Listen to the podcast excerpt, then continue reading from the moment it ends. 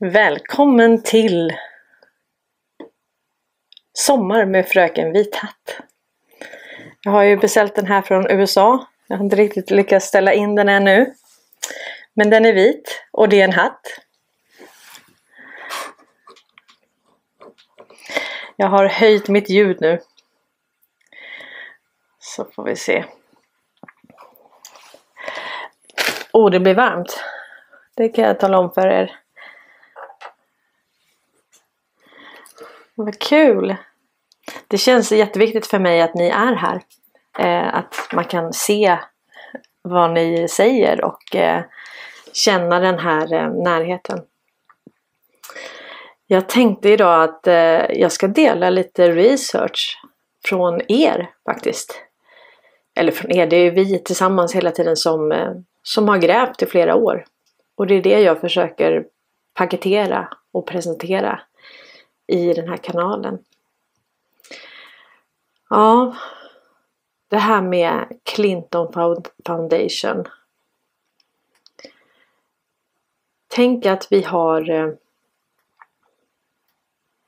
Svenska staten har använt Postkodlotteriet och olika företag som, som tvättmaskiner för, för mutor faktiskt till eh, till statstjänstemän och politiker och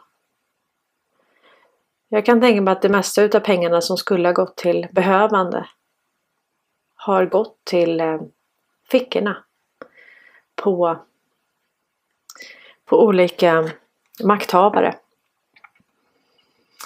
Är ni med här allihopa?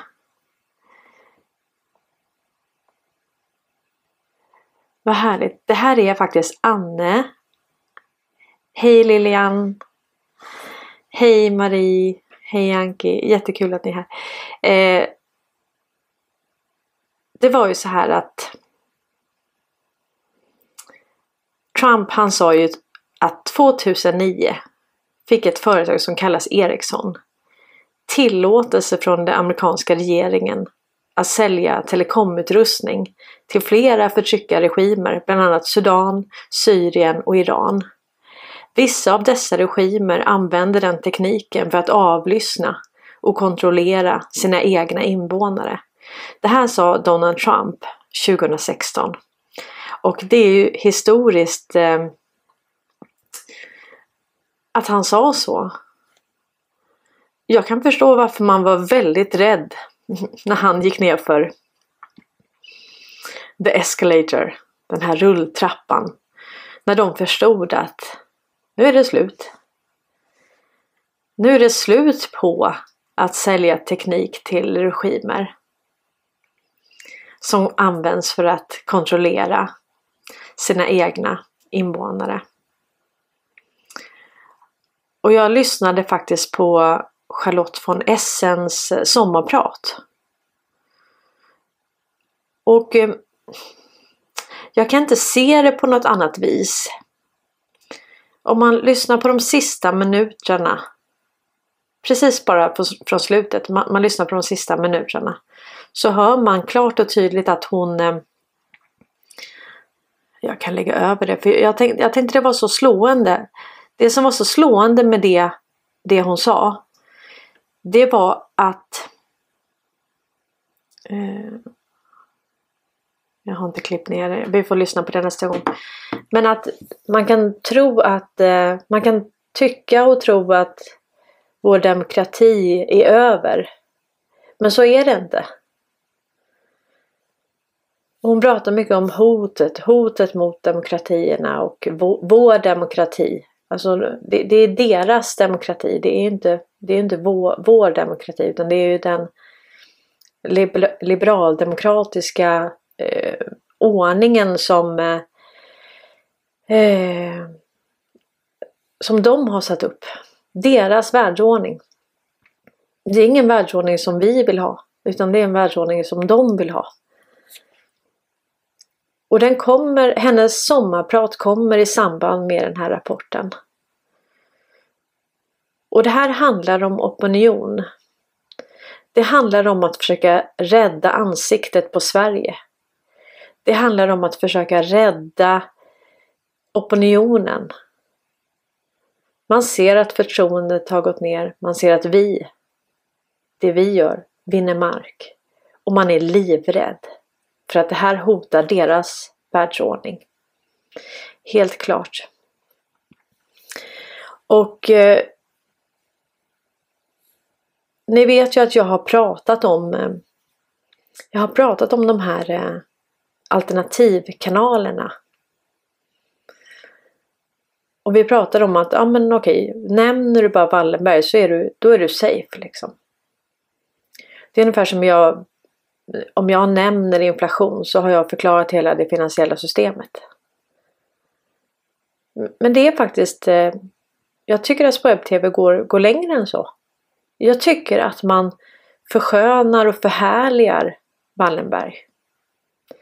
Och den bild som eh, Magnus Stenlund ger i sitt sommarprat, det är två timmar långt. Men i och med att eh, Petra Gapi sa då att eh, både jag och Magnus nämner Wallenberg i våra sommarprat.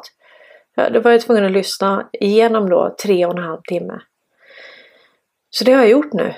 Så ingen kan säga att jag inte gör research och jag vill verkligen ge dem en chans. Och jag kan säga så här, jag är den första. Hade det varit så att det här hade varit, man hade verkligen eh, berättat allting. Och alla kan ju inte berätta allt, nej. Men, man kan ju faktiskt, eh, man kan säga att Magnus Stenlund vilseleder människor. Jag brukar sätta på mig filtret och tänka att okej, okay, om jag inte vet någonting och så är det någon som skickar det här till mig och säger det här är jättebra, nämner allting, han nämner allting. Och så lyssnar jag på det här. Utan någon förkunskap. Då försöker jag tänka, vad är det jag vet efter det här? Eh, ja, då, då, får man lite en bättre bild av vad som sägs. För jag, speciellt i början, var jag väldigt bra på att fylla i luckorna själv. Jag hade mer kunskap och så fyllde jag i de luckorna. Hela tiden så fyllde jag i dem. Men det är faktiskt inte vad den personen har sagt så den kan ju inte få cred för att säga allting om, om man faktiskt vilseleder. För vilseleder är ju att inte ge hela, hela bilden. Det som vi pratade om igår. Om en alltid går en kvart tidigare och lämnar alla andra. Men samtidigt kommer en kvart tidigare och tar disken för alla andra. Om du, ger, om du berättar båda de delarna så kommer du ge en mycket bättre bild. Än om du bara säger att han går en kvart tidigare. Och då blir det ju en vilseledning för då påverkar du opinionen mot en människa. Faktiskt oförtjänt. Helt oförtjänt. Jag, jag tänkte, ni får jättegärna hjälpa mig och nu jag är inte ironisk eller något sånt utan jag har verkligen lyssnat på det här tio gånger och jag försöker jag försöker verkligen förstå vad det är han säger. Det är inte utan att den bilden ger mig viss tillfredsställelse. Visst finns det även många svenskar i de skyldigas krets, men i sanningens namn orkar jag inte längre uppamma något annat än förakt för dessa ryggradslösa ja-sägare, frivilliga medlöpare och betalda quislingar.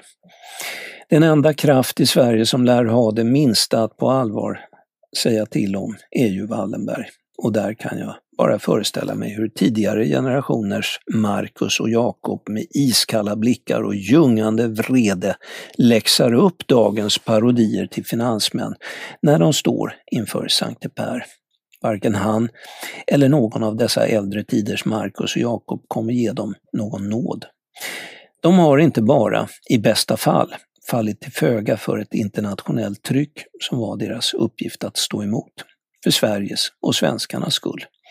De har i SAS, Ericsson och Electrolux verkstad efter verkstad misslyckats med att hålla familjetraditionerna vid liv, trots alla handikapp som svenskt storföretagande numera håller sig med.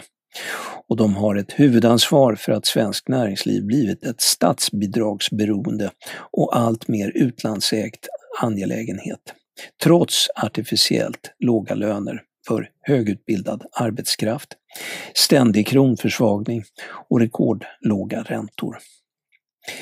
För att ändå misslyckas med sådana förutsättningar måste man vara grovt inkompetent. Och det är naturligtvis också vad Marcus och Jakob senior kommer att upplysa dem om, i det fall de inte redan själva fattat det. Ja, så det var det som var den personliga delen av mitt sommarprat. Nästan omärkligt gled det över i politik, eller hur? Ingen som tänkte på hur jag liksom råkade ha en åsikt här och där, trots allt. Vad är det han säger här? Fallit eh, för ett internationellt tryck. Men eh, vilka är det som har spridit globalismen över hela världen? Vilka är det som har spridit ismerna? Vilka är det som har spridit eh, uppkopplingen? Telefonin, internet, bredband. Vilka är det som innehar kärnteknologin för det? Vilka är pappa till globalismen, det finansiella systemet? Den första riksbanken var här.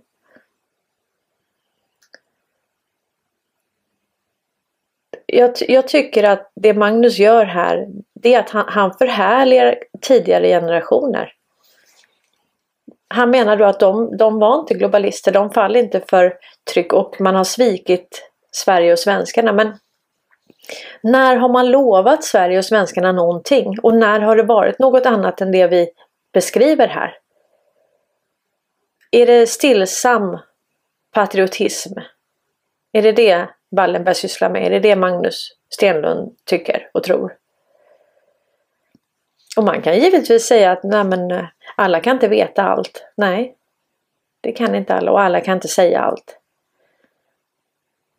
Nej, då behöver vi aldrig hålla någon ansvarig för att de... För det här är vilseledning enligt mig. Nu ska jag se vad ni tycker här. Ja.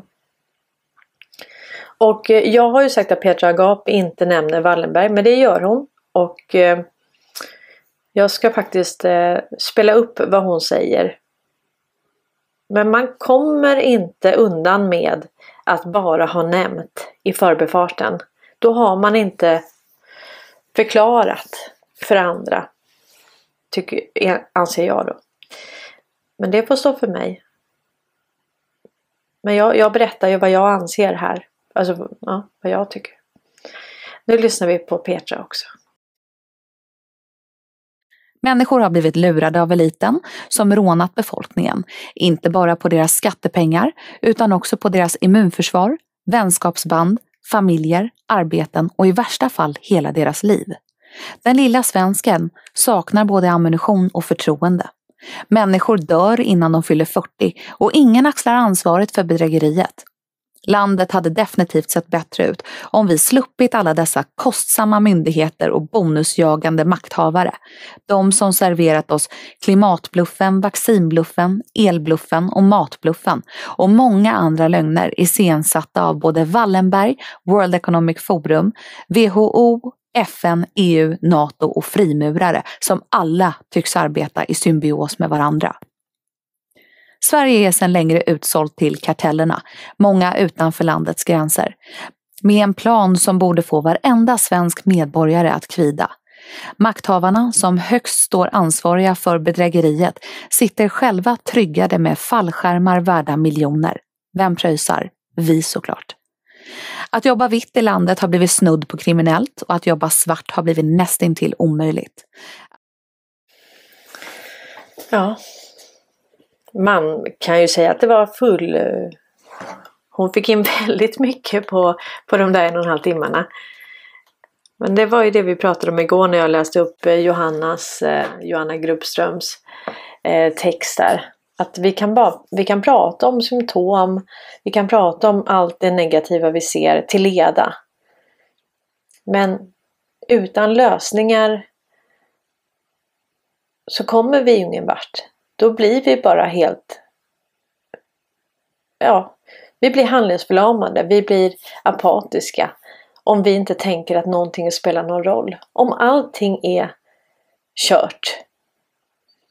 Och eliten har redan vunnit. The Great Reset är redan på intågande, det har redan kommit. Då finns ju ingenting vi kan göra. Om det inte finns någon konstellation som motverkar den djupa staten då, då spelar det ingen roll vad vi gör. Och, och det är väl lite det, det är den känslan som blir eh, eftersmaken. Att man, man eh, och det är ju inte så att, eh, det, att hon har fel. Hon har inte fel i alla de här negativa sakerna. Men att bara vältra oss i det. Då jobbar vi aldrig aktivt mot den värld som vi ville se.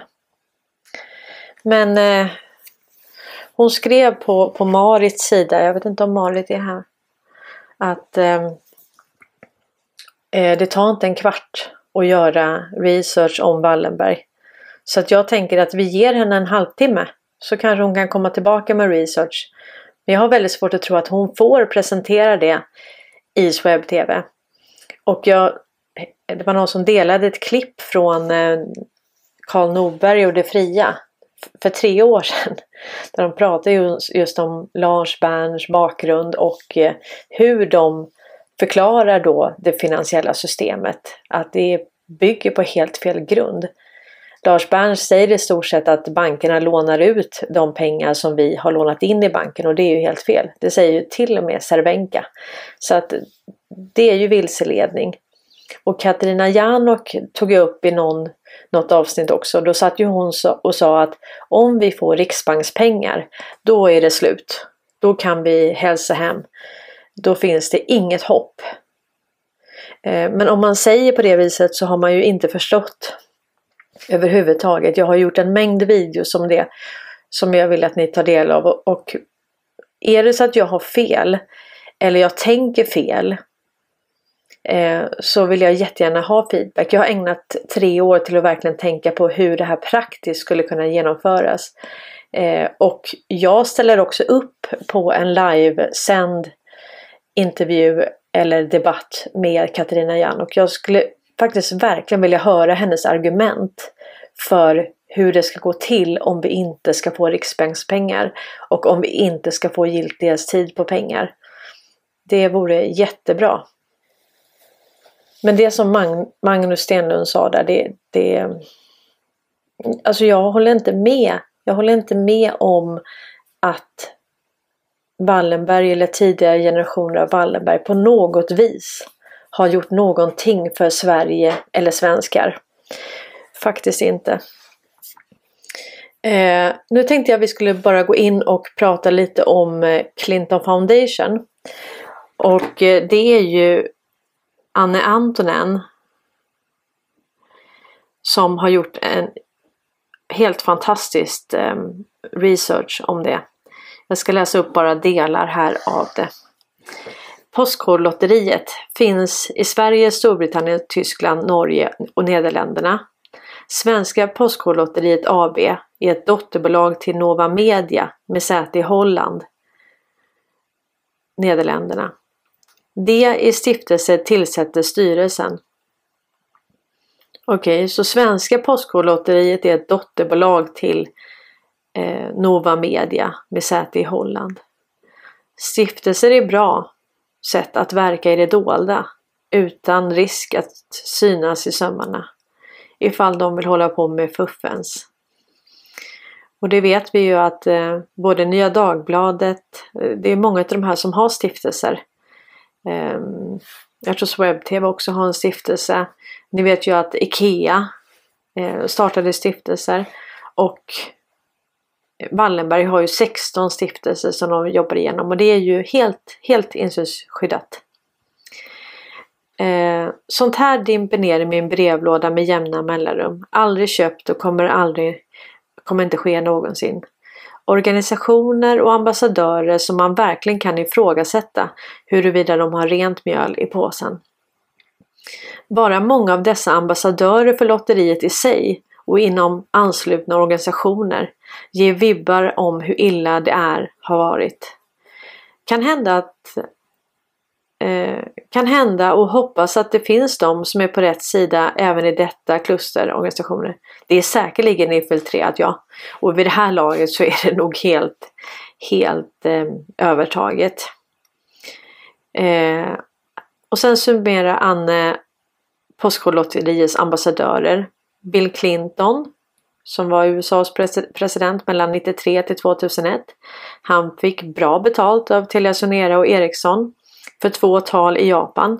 6 miljoner dollar plus en flygbiljett för cirka 650 000 dollar mutat och klart för att slippa finnas på sanktion, sanktionslistor mot Iran. Business as usual. Vi ska spela upp det klippet sen. Gäller för de som alltid finns på båda sidor i krig. Clinton Foundation har tagit rejäla bidrag från Postkodlotteriet, 63 miljoner kronor, samt från Postkodstiftelsen mellan 2007 och 2010. 1 till 5 miljoner dollar. Under Clinton Foundation finns flera fonder. CGI, Clinton Global Initiative, där medlemsavgiften är 20 000 dollar. Och Ericsson var medlem mellan 2010 till 2015. CHAI, Clinton Health Access Initiative, där Bill och Chelsea sitter i styrelsen. Även korrupta Sida har bidragit med 150 miljoner för hälsovårdsprogram i Afrika. Eh, CGSGI, Clinton Gistra Sustainable Growth Initiative. 2007 stöttade Lundin Foundation fram till 2010 hette fonden Lundin for Africa med 100 miljoner dollar. Lukas Lundin stöttade med 1 till 5 miljoner dollar.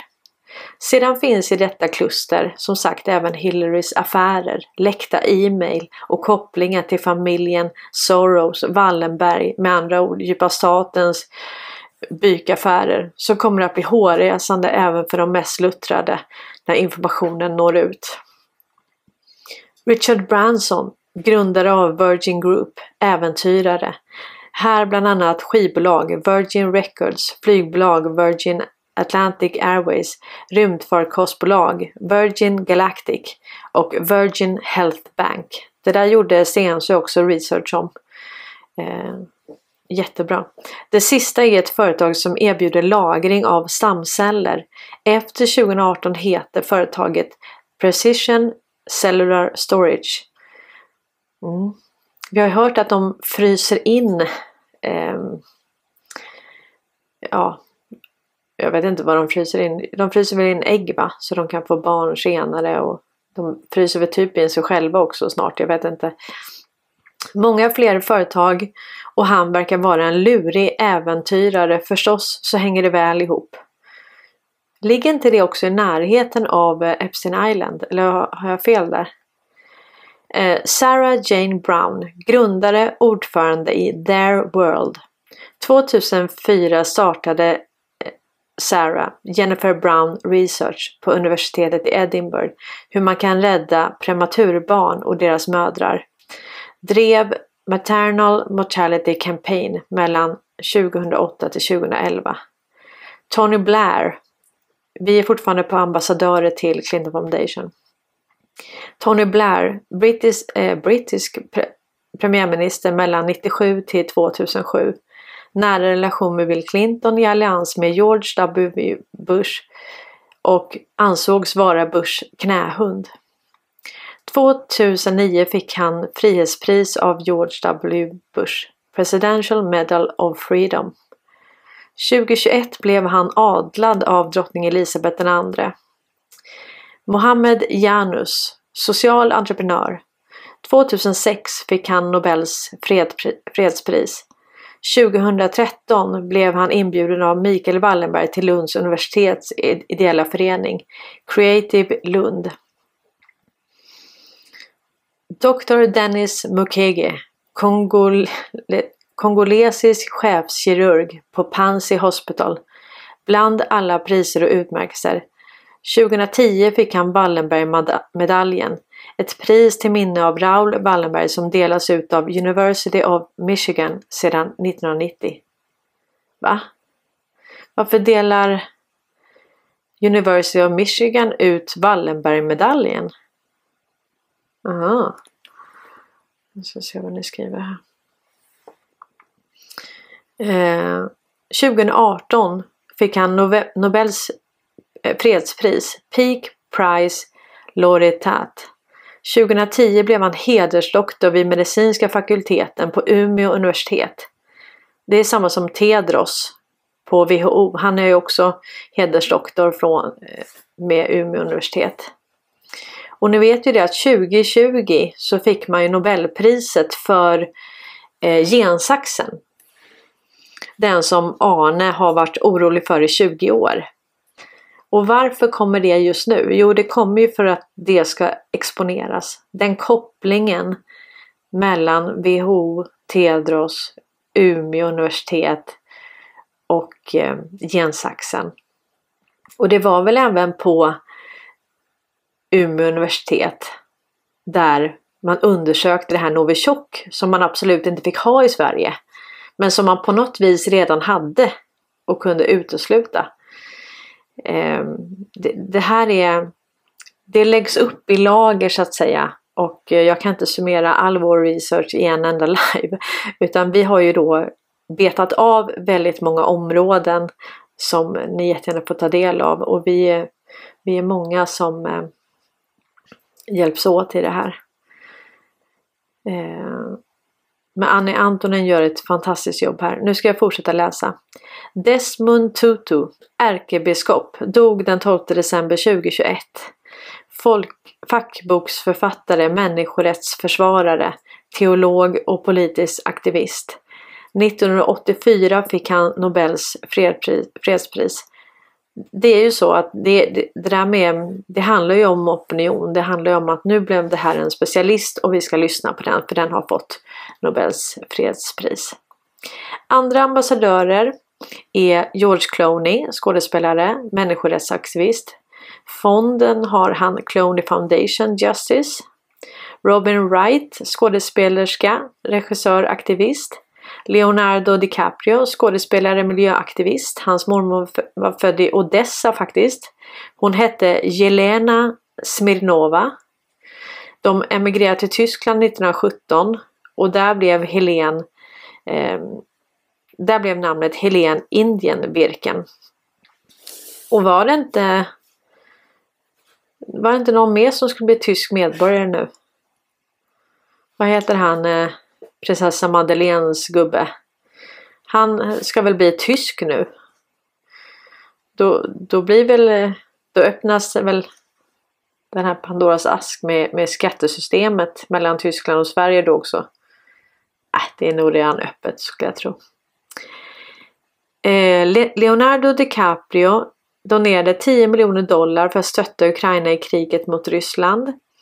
Emma Thompson, skådespelerska, aktivist. Katarina Witt, olympisk mästare i konståkning. Roger Federer. Var det inte han som inte tog eh, kvaxet? Schweizisk tennisspelare med 20 Grand Slam. Rafael Nadal, spansk tennisproffs. Rud Gilt, holländsk fotbollsproffs.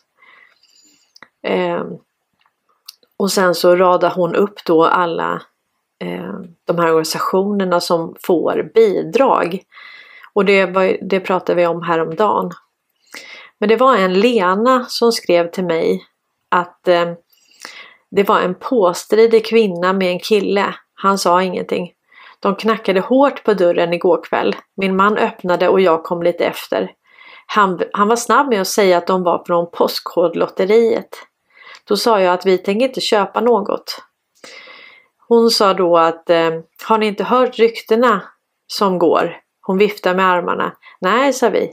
Men har ni inte hört? Nej, ja ert område kommer komma med på dragningarna framöver. Och så fortsätter hon babbla om hur många miljoner hit och dit som man skulle kunna vinna då. Jag säger att vi inte köper någonting för vi vill inte stödja organisationerna som pengarna går till. Då höjer hon rösten och säger att ja, det är det jag vill berätta om. Varför jobbar du med det? Varför jobbar du med det om du vet, sa jag. Eh, hon bara pratade om miljoner, miljoner. Och sen, det här var alltså ett väldigt otrevligt eh, besök. Och frågan är om det här är Postkodlotteriet som går ut och gör på det här viset. Det är det kan ju också vara sådana som rekar området för att eh, göra inbrott till exempel. Men det är ändå, det är ändå rätt lustigt det där alltså. Um, mm. Ska vi se. Jag tänkte vi ska ta två. Okej, okay, det var Novak. Andreas rättade mig här. Det var jättebra. Det var Novak som inte tog vaxet. Ja men det var ju bra. Så Federer, han tog det då. Det var väl Federer vi pratade om. Och Djokovic tog inte heller kvaxet. Så.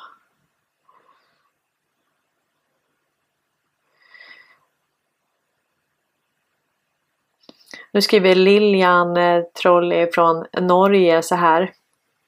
Ondevik eh, för Epstein gav fredspriset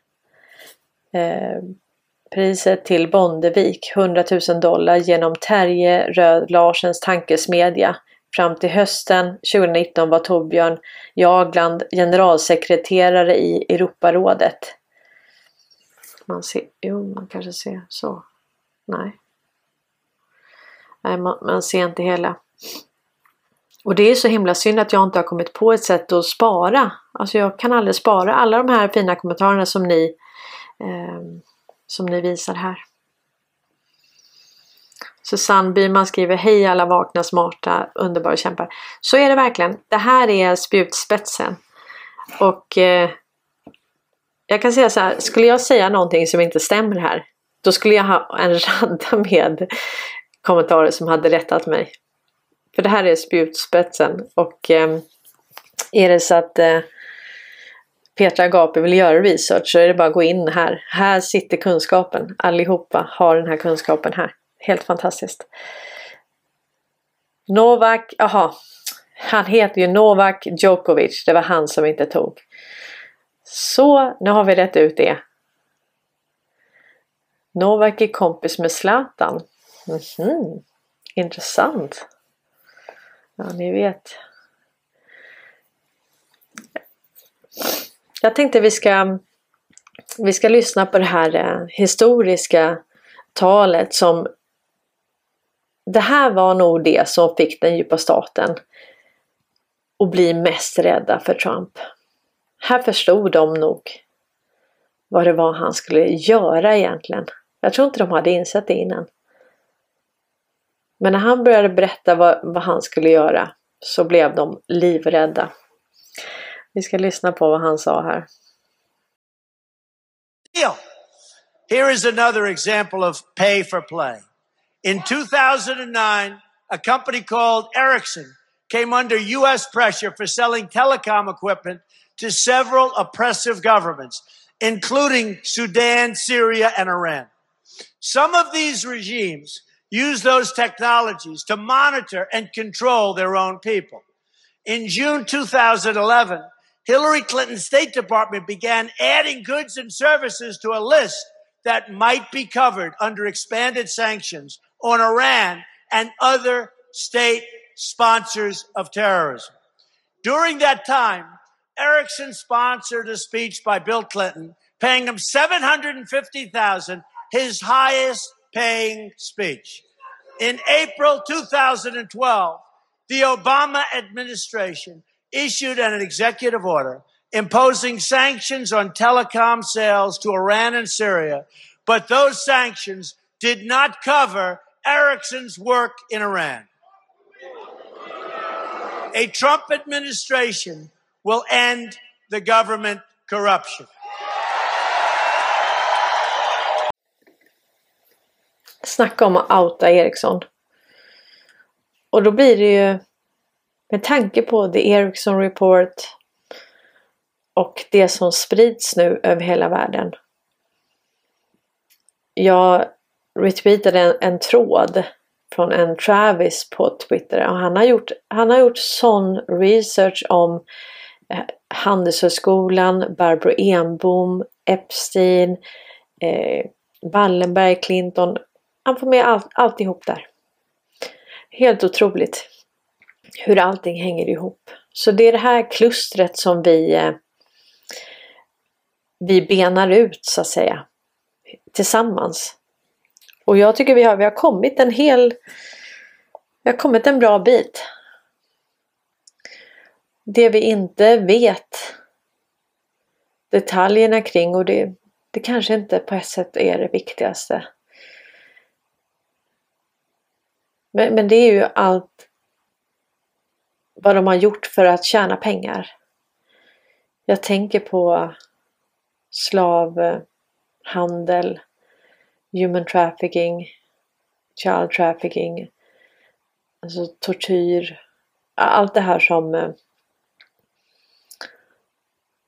som har behövts för att kunna vinstmaximera, för att kunna tjäna pengar, för att kunna söndra. Det, detaljerna kring det kanske inte är det viktigaste. Eh, jag har fått lite länkar nu på Sound of Freedom eh, och jag ska titta på dem och se om man kan se. Det är ganska dålig kvalitet, jag tror folk bara har filmat. Och egentligen känns det inte så bra om man om det nu verkligen är en helt eh, så vill man ju stötta dem på olika vis. Den här filmen. Men jag vet faktiskt inte om jag vågar se den här filmen. Jag blir jag blir väldigt, väldigt, väldigt illa berörd faktiskt. Eh, apropå det här med Clinton Foundation så gjorde jag, eh, jag har klippt ut ett klipp från när jag eh, pratade om det här i en annan video. Och där jag också har med en annan video om det här med, med Ericsson. Det här är ju som sagt någonting som hela världen har kommit på. Och vi måste verkligen sluta ge pengar till Postkodlotteriet. Vi måste sluta sitta där och vilja bli underhållna och av eh, den här Sjöberg. Det här är det här är tvättmaskiner. Det här är ett korrupt system från början till slut. Eh, vi ska se. Hon är 12.42. Jag tänker vi kör till 1. Som vanligt. Och eh, jag spelar upp den här videon. Jag kanske klipper av den lite. För att den är lite lång. Men eh, håll till godo.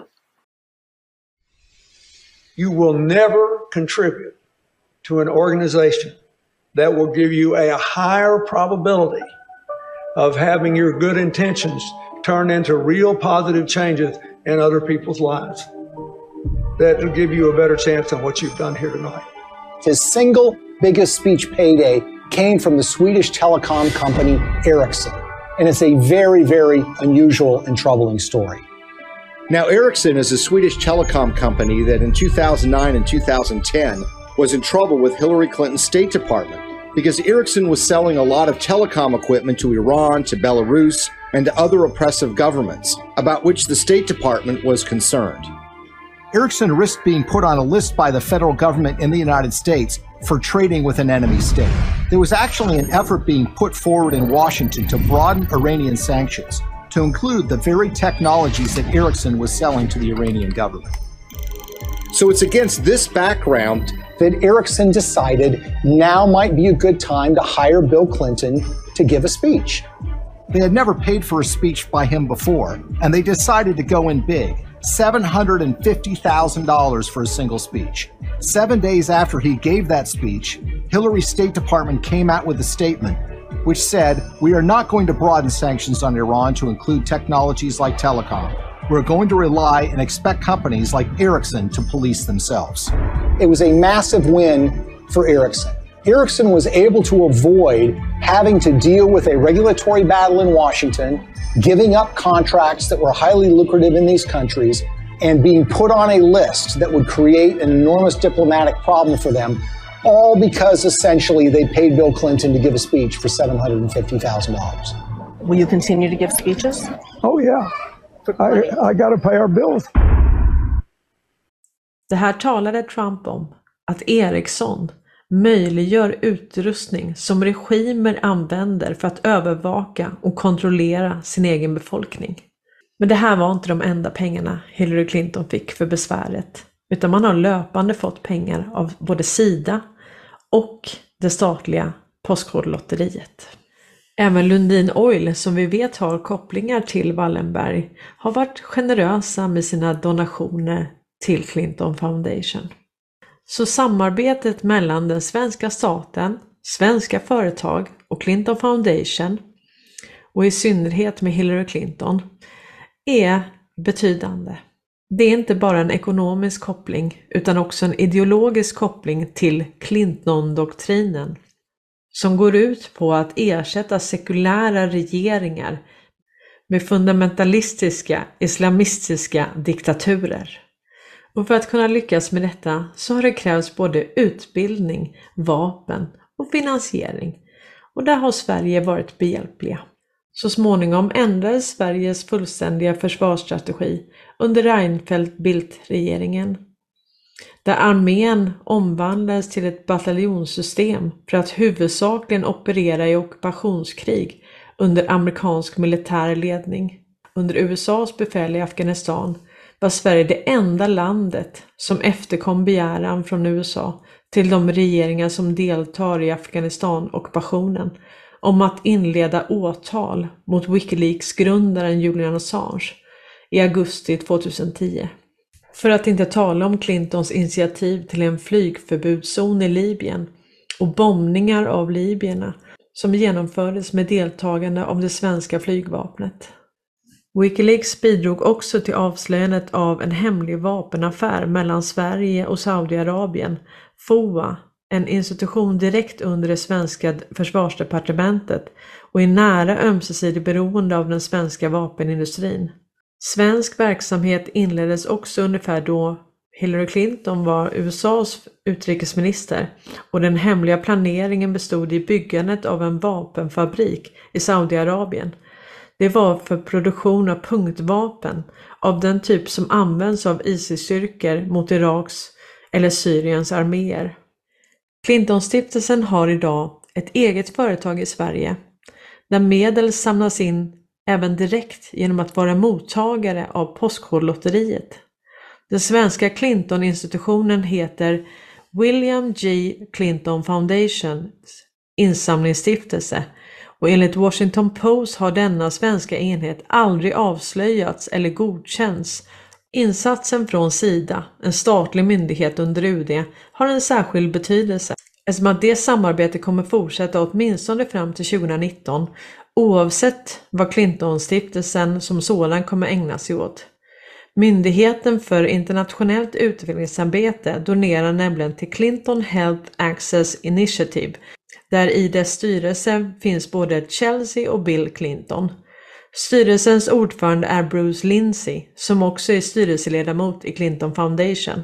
Den svenska statliga myndigheten har betalat till CHAI 150 miljoner kronor. Ytterligare 75 miljoner har utlovats. En svensk huvudgivare till Clinton Foundation är Lundin Foundation. Lundin Oil Company, där Carl Bildt satt i styrelsen mellan 2000 och 2006, bidrog med 100 miljoner dollar till Clinton Guistra Sustainable Growth Initiative, som också är en del av Clinton Foundation. Lundin Oil Company har rapporterat ha ett olycksbådande rekord i sin verksamhet i Afrika. Internationella åklagarmyndigheten i Stockholm inledde 2010 en brotts utredning angående Lundin Petroleums verksamhet i Sudan. Konkret hänvisar utredningen till brott mot mänskligheten i Sudan mellan 1997 och 2003. En annan givare är institutionen Postkodlotteriet som enligt stiftelsens hemsida har gett dem från 1 till 5 miljoner dollar mellan 2007 och 2010. Svenska högertidningen SvD ger en siffra på 6,5 miljoner dollar. Men enligt en rapport av Erik Halker i Omvärlden har Clintonstiftelsen fått 73 miljoner kronor från Postkodlotteriet. Sveriges största bank, Swedbank, har behållit sitt samarbete med Clinton Global Initiative, CGI, en del av Clinton Foundation. Både Ericsson och Swedbank har betalat CGI årliga medlemsavgifter på 20 000 dollar. Så alla de här transaktionerna till Clinton Foundation bygger på att USA inte sanktionerar Ericsson för sin verksamhet runt om i världen. Så den svenska troheten till Clinton-doktrinen har gjort att det har flödat pengar in till Clinton Foundation fram till denna dag. Det där var nog från videon som heter Till minne av 9-11. Och, och när jag hade lagt upp den Oj. Eh, en, en sekund bara. Jag kommer strax tillbaka. Nu kommer dammsugaren här. alltså. Ja, den försvann. Vi får ta det som det. När jag hade lagt upp den videon om Clinton Foundation, om Ericsson och kopplat det till 9-11. Då tog den här plattformen som vi är just på just nu ner hela min kanal utan förvarning. Hela kanalen bara flög iväg. Eh, och jag blev faktiskt av med två kanaler här på ett halvår. Jag vet inte om det har att göra med det här men och nu kanske det inte är lika känsligt. Men flyger min kanal all världens väg igen så vet vi att det här är fortfarande inte riktigt tid för det. Men jag tyckte ändå att det var viktigt och ta upp det här, de här kopplingarna. För det här är tvättmaskiner. Vi får hoppas att jag får ha kvar min kanal. Jag har ju sagt att jag ska vara så himla försiktig i den här kanalen. Hur tycker ni att det går? De här lajvarna är ju... Ja. Det är ju dammsugare, ja precis. Dammsugaren bara startade. Um, mm. Okej. Okay. Vi håller ju på med en självbild, självbildsrevision. Vi är mitt inne i en självbildsrevision och jag, jag, tyck, jag tror och tycker att vi, vi är ett sargat folk. Vi är ett lättkränkt folk på olika sätt och vis. Eh, och jag använde ett begrepp förra gången som heter kreti och pleti. Eh, och då slog jag upp vad betyder kreti och pleti? För, för när jag växte upp så betyder kreti och pleti man skulle kunna säga så här. Eh, Nobelstiftelsen delar ut Nobels fredspris varje år. Men dit får inte kreti och pleti komma. Då menar ju inte jag att jag är en del utav de som får komma. Utan jag menar ju att det finns en skillnad på människor. Och att de tycker att de är lite finare. Så jag slog upp vad det faktiskt betyder kreti och pleti. Eh, kreti och pleti är en i vardagligt bruk nedsättande beteckning för allehanda löst folk, den breda allmänheten, vem som helst. Eller som, står utan, eller som det står i Nordisk familjebok, personer utan börd, bildning eller samhällsställning. Kreti och pleti har ett hebreiskt ursprung och var i äldre bibelöversättningar en benämning på två utländska folkslag i kung Davids livvakt. Kereter och Peleter. I Karl den XIIs bibel står det i Andra Samuelsboken 8.18 Benaja, Jojadas son, var över Kreti och Pleti. I Bibeln 2000 står det på motsvarande ställe Benaja, Jojadas son, fjärde befälet över Kereterna och Peleterna. Och kreterna och peleterna var troligt filisteiska.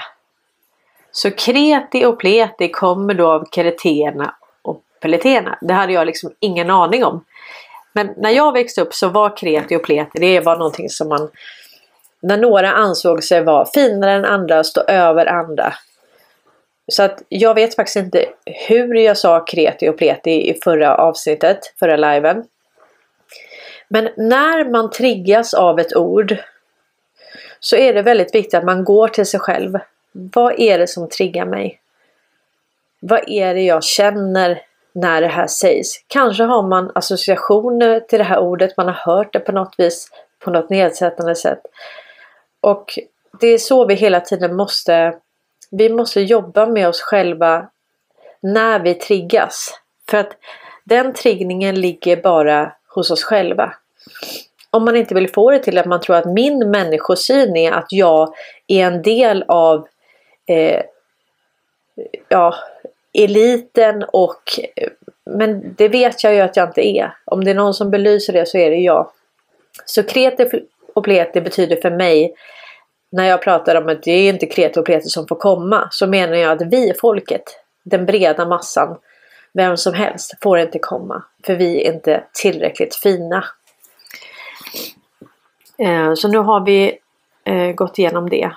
Och sen fick jag ett så fint meddelande från eh, aha. Jag fick ett så fint meddelande från Linda Björkegren. Eh, lys eh, mm. Bra det du sa om känslor. Man har ju alltid fått höra att man är en känslomänniska. Läst hysterika. De som säger så förstår inte att även detta är en manipulation. Vi ska självklart ta ansvar för våra känslor och inte gå i reaktion med andra. Men det är ju känslorna som är kompassen. Känslorna öppnar vägen inåt. Därför har de som styr alltid velat styra våra känslor. För om de kan äga dem så äger de snart vår själ, känslor, tankar och fri vilja. Vi kan se genom historien hur rationalism och naturvetenskap mobbat känslan och fått den att framstå som, den, som en flicka i trasiga kläder. Därför att de måste parasitera på dem som har en själ då de själva saknar den. De kan bara härma, upprepa och stjäla. De kan inte skapa. Så de tar från andra och försöker då och försöker då få oss att tycka eh, att det som har mest värde är värdelöst. Så att vi kan vilja vara som dem, leva som dem i utbyte mot vår själessens, då är vi fångna, upptagna och skapar det som de vill. Vi blir slavar, fantasi och känslor är allt. Hoppas du får en skön och vilsam söndag Cornelia. Alltså, tänk nivån på kommunikationen. Eh, tänk vad långt vi har kommit i att jobba med oss själva och att revidera det vi har lärt oss. Var inte känslostyrd. Känn ingenting. Nej, de vill inte det. De vill inte att vi ska känna. De vill inte att vi ska vara kreativa eller skapa eller ha den där passionen eller glöden. Utan vi ska vara apatiska. Och vi ska va bara sitta och vilja bli roade.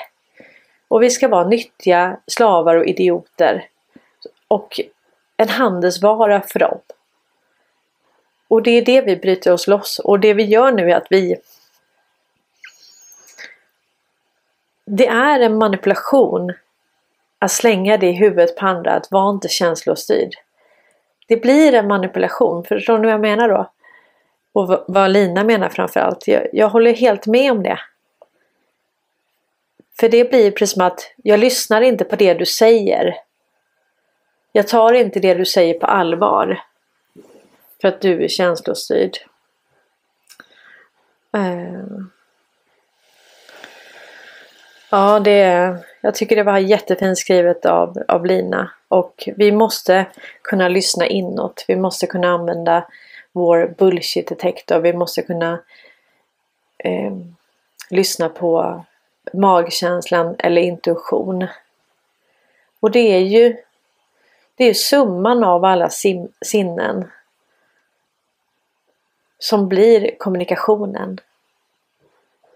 Det är det där